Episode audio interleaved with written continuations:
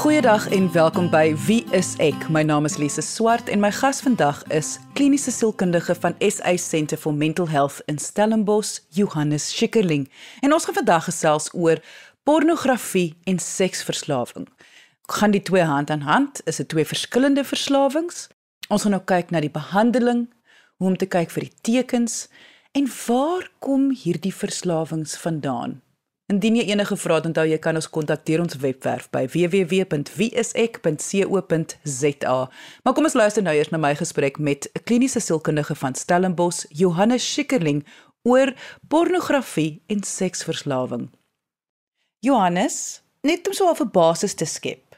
Jy kry iets soos 'n pornografieverslawing en jy kry iets soos 'n seksverslawing of is die twee altyd een ding of is hulle altyd apart? Dis eintlik baie moeilik om te sê Lise want ons groepeer hulle soms saam en soms apart. Die probleem hiermee is eintlik dat nie een van hierdie twee diagnoses of hierdie kondisies is eintlik formele diagnose nie.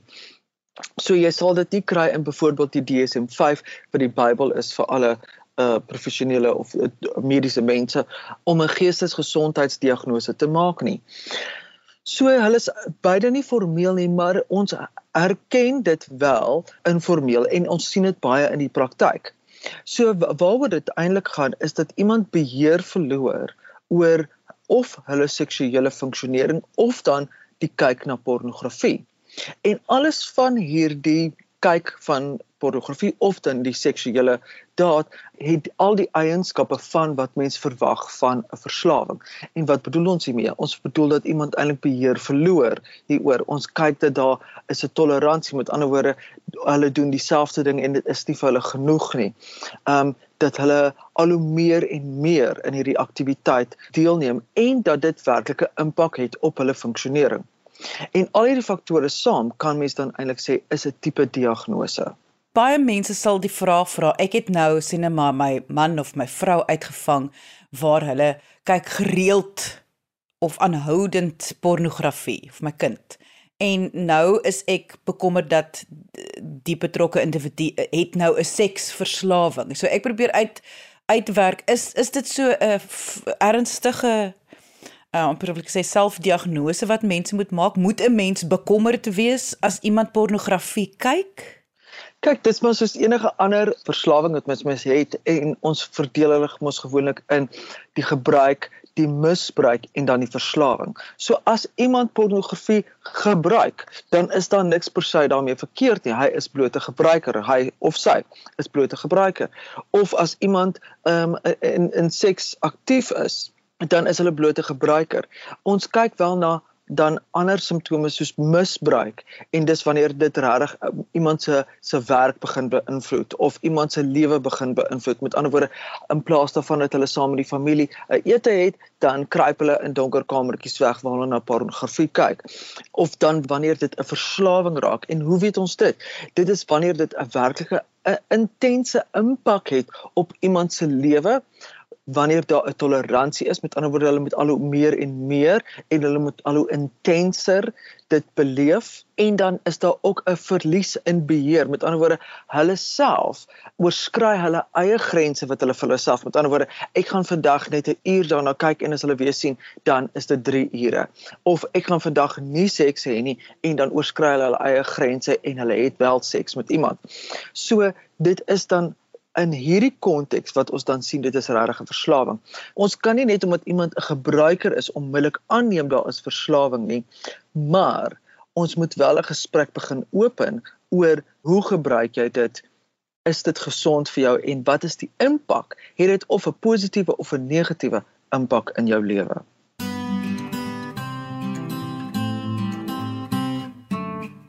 Wat vir my nog 'n probleem is veral onder hierdie binne hierdie onderwerp is die geheimsinnigheid hiervan. Ek bedoel albei kategorieë leen hulle self toe om dit regtig maklik in geheimsinnigheid te kan doen. Mense kan pornografie op jou selfoon kyk, jy kan dit op jou rekenaar kyk, jy kan dit op enige plek nou al kyk. Niemand gaan noodwendig dit weet nie. Um en dan eh, dieselfde met seks. Is is jy kan hierdie geweldige sekslewe hê, maar niemand hoef noodwendig daarvan te weet nie. Dit is dis iets wat mens kan wegsteek waar iets soos dwelms en alkohol voel my jy kan ook wegsteek, maar mense kom dit nogal agter.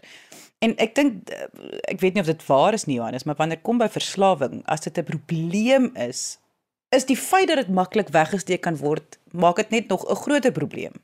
Soos wat jy sê, is dit eintlik maklik om enige verslawing weg te steek of te probeer wegsteek en dit is eintlik wanneer ons sien dat dit 'n probleem raak is wanneer mense dit begin agterkom. Wanneer mense sien, "Ouma, waar is pappa?" of "Waar is mamma?"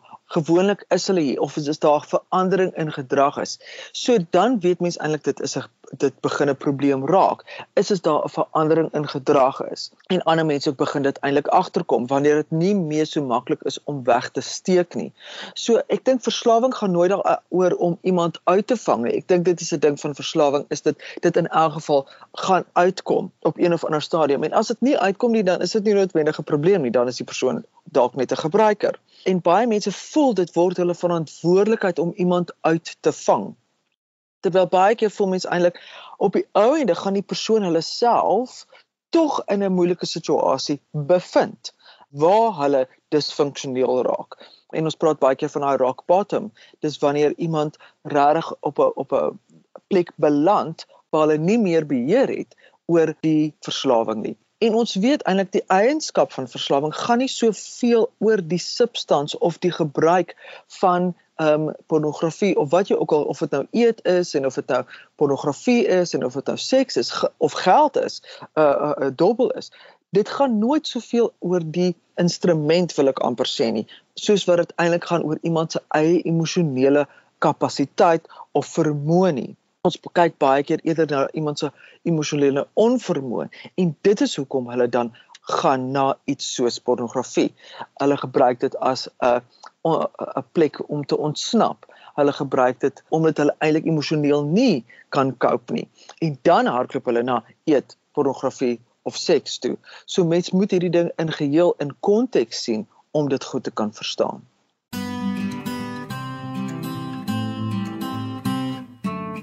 Jy Johannes as kliniese sielkundige dat mense ervaar baie ek weet nooit of hierdie woorders bestaan nie skaamheid, selfbewusheid, isolering, isolasie wat wel uh, verslaaf is aan pornografie of aan seks. Dat hulle hulle wil dit nie met enigiemand sommer deel nie dat hulle hulle hulle sien hulle self as minder of swakker want dit dit word deur die samelewing so half gesien as as as regtig iets is met jou verkeerd as jy die heeltyd wil seks hê Absoluut. So in die samelewing waar ons tans leef, is ons tog baie beperk rakende ons vryheid rakende seksualiteit en die verstaan daarvan. So enigstens die misbruik daarvan word word definitief op neergefrons. So mense wat wat deelneem aan pornografie of baie seks, steek dit definitief weg.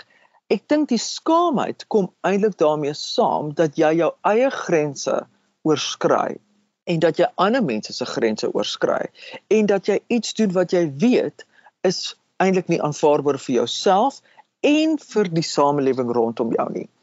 En dit is baie keer waaroor op waarop ons fokus as ons hiermee werk, is hoe oorskry jy jou eie grense? Wat is die beloftes wat jy jouself gemaak het oor oor hierdie ding? Want mense ervaar daai ding van ek het nie beheer daaroor nie. Met ander woorde, ek het regtig vir myself gesê, ek wil dit nie meer doen nie of ek wil nie daai tipe pornografie kyk nie. En dit is die groot kenmerkie van is dit dit raak al hoe meer en nie net in tyd nie, maar dit raak ook intenser. Met ander woorde, die vlak van pornografie wat mense kyk, moet vergroot. Mense begin heel uh, onskuldig na 'n basiese pornografie kyk en dan raak dit al hoe intenser en dit raak nie meer genoeg nie. En dan verskuif hulle na die dark web waar daar goederes is wat nie noodwendig wettig is nie, dan oorskry hulle hulle eie grense en ook dan die morele grense van ons samelewing en kan dit dan oorskuif na goederes soos byvoorbeeld pedofilie. Ehm um, dit is nie altyd so nie. So ons kan nie net sê as iemand aan pornografie verslaaf is, is hulle 'n pedofiel nie. Ek wil dit baie duidelik dit stel. Maar dit lei of kan daartoe lei dat mense al hoe meer uh, die grense verskuif om dieselfde gevoel te kry, om dieselfde gevoel van ontsnapping te kry. Moet dit intensiewer, moet dit erger, moet dit meer. Jy luister na RSG 100 tot 104 FM. Johannes, as ek so luister na alles wat jy sê, voel dit vir my en veral met jy gesê hierdie is nie 'n formele diagnose nie. Daar moet ander verslawings tog dan betrokke wees uh, of meer betrokke wees. Dis sal seker nie so half in isolasie gebeur nie, juis omdat mense skuldig voel, juis omdat hulle skaam is, juis omdat hulle dink daar's iets verkeerd met hulle of hulle probeer dit beheer of probeer net nie daaraan dink nie um soos alkoholverslawing of dwelmverslawing is uh, is dit moontlik. Ons sien baie keer in verslawing dat daar kruisverslawing gebeur en wat moet ons daarmee dat mense van die een na die ander beweeg of dat hulle dit selfs kombineer. So daarmee uh, sien ons dan dat dat iets soos seksverslawing gaan saam met alkohol of dat daar ander substansies gebruik word en dat hulle dan opkikkers of dwelms gebruik om seksuele prestasie ook te bevorder. So ons sien baie keer of dan word van die een na die ander een beweeg met ander woorde van pornografie beweeg hulle oor eintlik na die daad.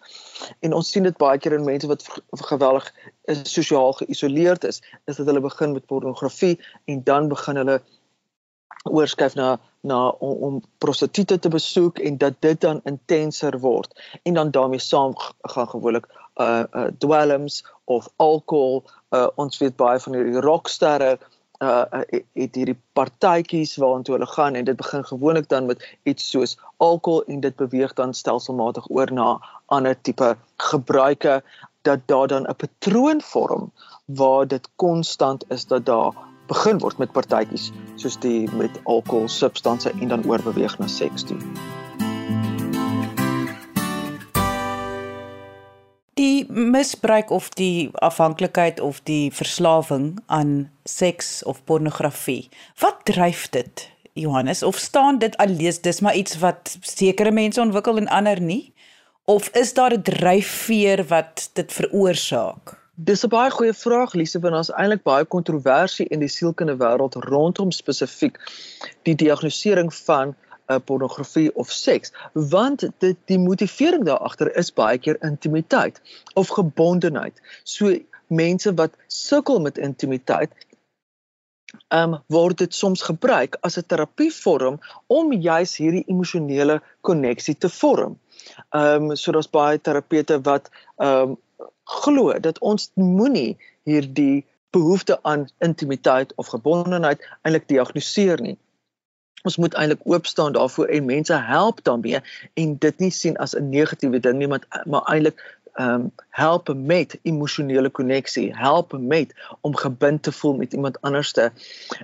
Want ons weet, 'n groot deel van mense wat pornografie kyk, is eintlik mense wat sukkel met sosiale kommunikasie of selfs sukkel met sosiale intimiteit en weet nie hoe om van die een stap na die volgende een te gaan nie. En dan gebruik hulle ehm um, as 'n terapievorm amper pornografie om te kyk hoe doen mense dit wat is die verskillende stappe en dit bevorder eintlik dan hulle vermoë om dan emosioneel te bind met mense in die regte lewe. Ehm um, so daar is baie kontroversie hieroor, maar as mens kyk na die dryfveer dan kyk mens eintlik na mense wat 'n groot behoefte het aan emosionele koneksie. En dit maak sin want ek kan ook uh, verstaan omdat dit 'n prosesverslawing is wat jy net vir ons kan verduidelik wat wat dit beteken maar daar dis soos 'n eet eetversteuring en 'n eetverslawing, um 'n oefen verslawing al hierdie is nie formele diagnoses nie en seksverslawing dit dit alles dit is ons ons onvermoë daai daai wat ons net nie aangeleer het hoe om wanneer dinge verkeerd is, waar ons gewone alledaagse dinge begin misbruik om dit daarmee te cope nie. Presies. Daar's baie mense wat vir my sê, maar dan het ek ook 'n slek seksverslawing. Jy weet enigiemand wat dan in seks deelneem. En dis juist waarna ons wil kyk en ons bedoel 'n prosesverslawing. Gaan dit eintlik daaroor dat daar ehm um, is die persoon is eintlik verslaaf aan die proses tot ontsnapping. So dit is nie so eenvoudig soos jy gebruik 'n middel wat 'n substansverslawing is. Jy gebruik 'n middel en dan kry jy onmiddellik die ervaring daarvan nie. Prosesverslawing soos eet, oefen, ehm um, pornografie, seks, dobbel gaan eintlik daaroor dat die persoon die proses tot die ontsnapping geniet. So dit is nie 'n eensklapse chemiese ding wat in jou in jou brein is nie dit is eintlik die hele ding van byvoorbeeld seks kyk mens baie keer na mense wat eerder hou van die 'n uh, eh, flirting wat daarmee saamgaan. Of pornografie hou hulle eintlik die die proses daarvan om tot ehm um, uh aksie oor te gaan. Of selfs gaan hulle nie eers ooit oor na aksie nie maar hulle geniet die proses daarvan. Of die oefening daarvan gaan eintlik oor die die aantrek van die tekkies gee baie keer mense al die gevoel van okay nou gaan um ek die endorfine kry wat ek na verlang het en dit word dan gebruik as 'n as 'n coping meganisme So 'n prosesverslawing gaan eerder oor die hele proses, al die verskillende stappe daarvan, um, as net die uiteinde daarvan. Uh teenoor 'n substansverslawing wat eintlik 'n maklike gebruik en dan 'n chemiese reaksie veroorsaak. Waar my empatie vir hierdie verslawing wel lê, is dat Mens kan nie vir iemand nou gaan staan en sê, so sê net maar vir 'n uh, roker of vir iemand wat dwelms gebruik of drink of so, dat jy moet nou ophou met seks hê nie. Jy mag nou nooit weer seks hê nie. Dit is mos belaglik. So dit voel vir my, dit is so 'n 'n amper moeiliker pad om te loop want jy moet dan leer om minder te gebruik of met dit dit dit dit bestuur amper wil ek sê 24 uur 7 dae week. Jou jou bestuursvermoëns gaan moet so verskerp word, jou bewustheid. En en dis moeilik. Dis moeilik vir ons mense om om dit te doen. So ek het baie ek ek voel nogal ek het baie empatie vir mense wat daardeur moet gaan, maar ek wil graag by jou hoor vir die positiewe sy. Mense kry dit wel reg om dit te kan bestuur. Ek is so bly jy sê hierdie ding van simpatie en empatie vir vir, vir mense wat hieraan verslaaf is of enige prosesverslawing want soos jy sê dis regtig baie moeilik. As jy eers daai grens oorskry het is dit nie iets wat jy sommer net kan los nie. Dis nie net soos 'n sigaret wat jy in die asblik gooi of alkohol wat jy kan vermy nie. Dit is nie 'n vermybare ding nie So dit gaan regtig daaroor dat mense dit suksesvol bestuur en dat jy ander gesonde hanteringsvaardighede kry wat jou kan help om eintlik die onderliggende emosies te kan bestuur. En dit is wel moontlik, maar dit verg dat iemand geweldig bewus is van hulle emosionele wêreld, geweldig bewus is van hulle hanteringsvaardighede en dat hulle konstant moet werk daaraan om nie terug te val in die ding wat vir hulle so maklik is nie. En dit ek meen dit is so maklik om net jou telefoon op te tel. Dit is so maklik om net jou tekkies aan te trek en te hardloop. En dit is wat dit so moeilik maak en die selfdissipline is geweldig om om hierdie verslawing te oorkom.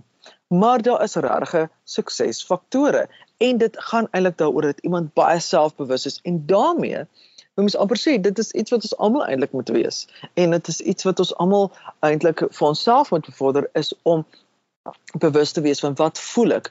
Hoekom voel ek so en hoe gaan ek dit hanteer? Wat is die gesondste manier vir my om hiermee om te gaan? Soek jy 'n professionele persoon in jou area, gaan kyk op die WSE kontaklys by www.wsek.co.za.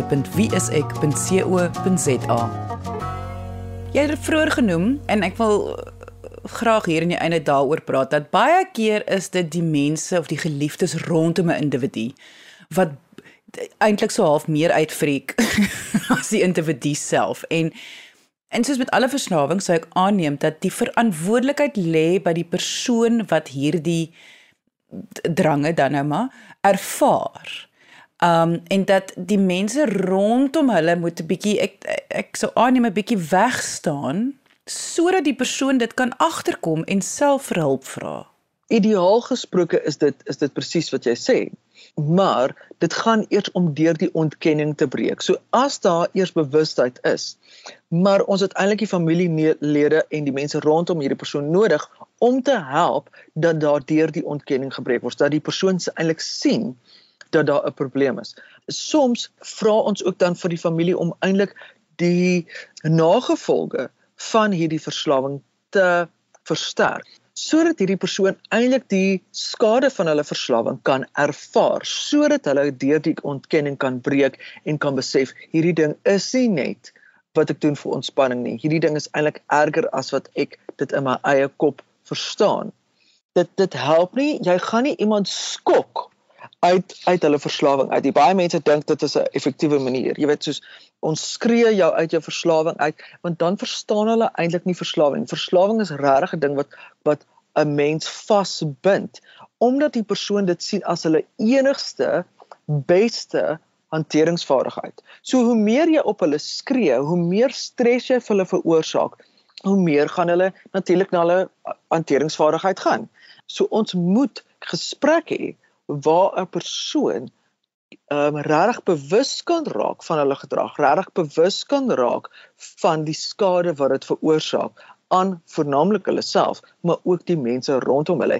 So ons het eintlik die familielede nodig om te help om deur die ontkenning te breek, maar as daar deur die ontkenning gebreek is, dan vra ons eintlik vir hulle om bietjie weg te staan. Ehm um, En dit is moeilik. Dit is moeilik om te sien hoe iemand kan swaar kry. Dit is soms moeilik om ook grense neer te lê om te sê as jy dit weer doen, dan forceer jy ons om weg te stap. Of ons gaan nie meer betaal vir jou mediese onkoste wat jy het nie. Of watter ook al skade daar is dat die persoon self kan sien maar hierdie ding is nie net 'n uh, 'n uh, 'n um, 'n gebruik nie. Dit is regtig al 'n verslawing en dit veroorsaak skade aan verhoudings, veroorsaak skade aan my eie funksionering, werk ensovoorts. Jy luister na RSG 100 tot 104 FM. Dit voel vir my hierdie is 'n verskriklike belangrike onderwerp. Meeste mense dink dit is baie snaaks, 'n seksverslawing is verslaaf aan pornografie. Dit is 'n keuse, dit is 'n maklike ding om te stop. Jy moet net jouself regkry en hou op om dit te doen. Maar dis vir my ernstige onderwerp want ek sou aanneem die syfers neem toe. Meer en meer mense ervaar alleenheid en eensaamheid en as gevolg daarvan het hulle nie hierdie vaardighede al aangeleer het hoe om om te gaan met hulle emosiese probleme en hulle eensaamheid nie. Dat hierdie raak 'n groter en groter probleem. Jy is heeltemal reg, Elise. Ehm um, En en ons weet nie of die oorsaak is dat mense nou net makliker uitgevang is want hulle is nou die hele tyd by die huis nie en of dit eintlik 'n ding is van koneksie aan mekaar nie. Maar ons sit in 'n tyd waar sosiale isolering wel 'n groot faktor is en ons weet dat koneksie met ander mense is een van ons mees basiese behoeftes. En dit word nou konstant van ons weggeneem.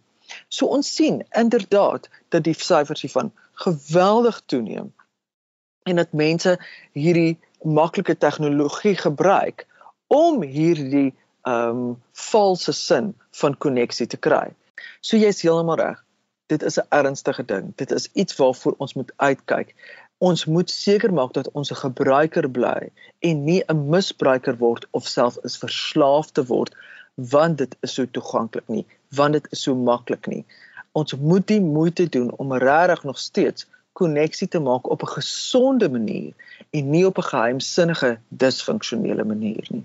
En dit was kliniese sielkundige van Stellenbosch Johannes Schikkerling. Indien jy enige vrae het, kan jy ons kontak deur ons webwerf gaan net na wieisek.co.za of kom gesels saam op ons Facebookblad onder wieiseksa. Daar is verskeie live gesprekke op hierdie einste Facebookblad waar ek gesels met medies professionele mense oor sielkundige toestande, diagnoses en menslike gedrag. So kom vra jou vrae, kom lig jou opinie, kom gesels saam. Dit is onder wieisekse se Facebookblad onder wieiseksa. Dankie dat jy vandag ingeskakel het. Ons maak weer so. Volgende Vrydag 12:30 net hier op RSG. Jy moet 'n heerlike naweek hê. En onthou, kyk mooi na jouself.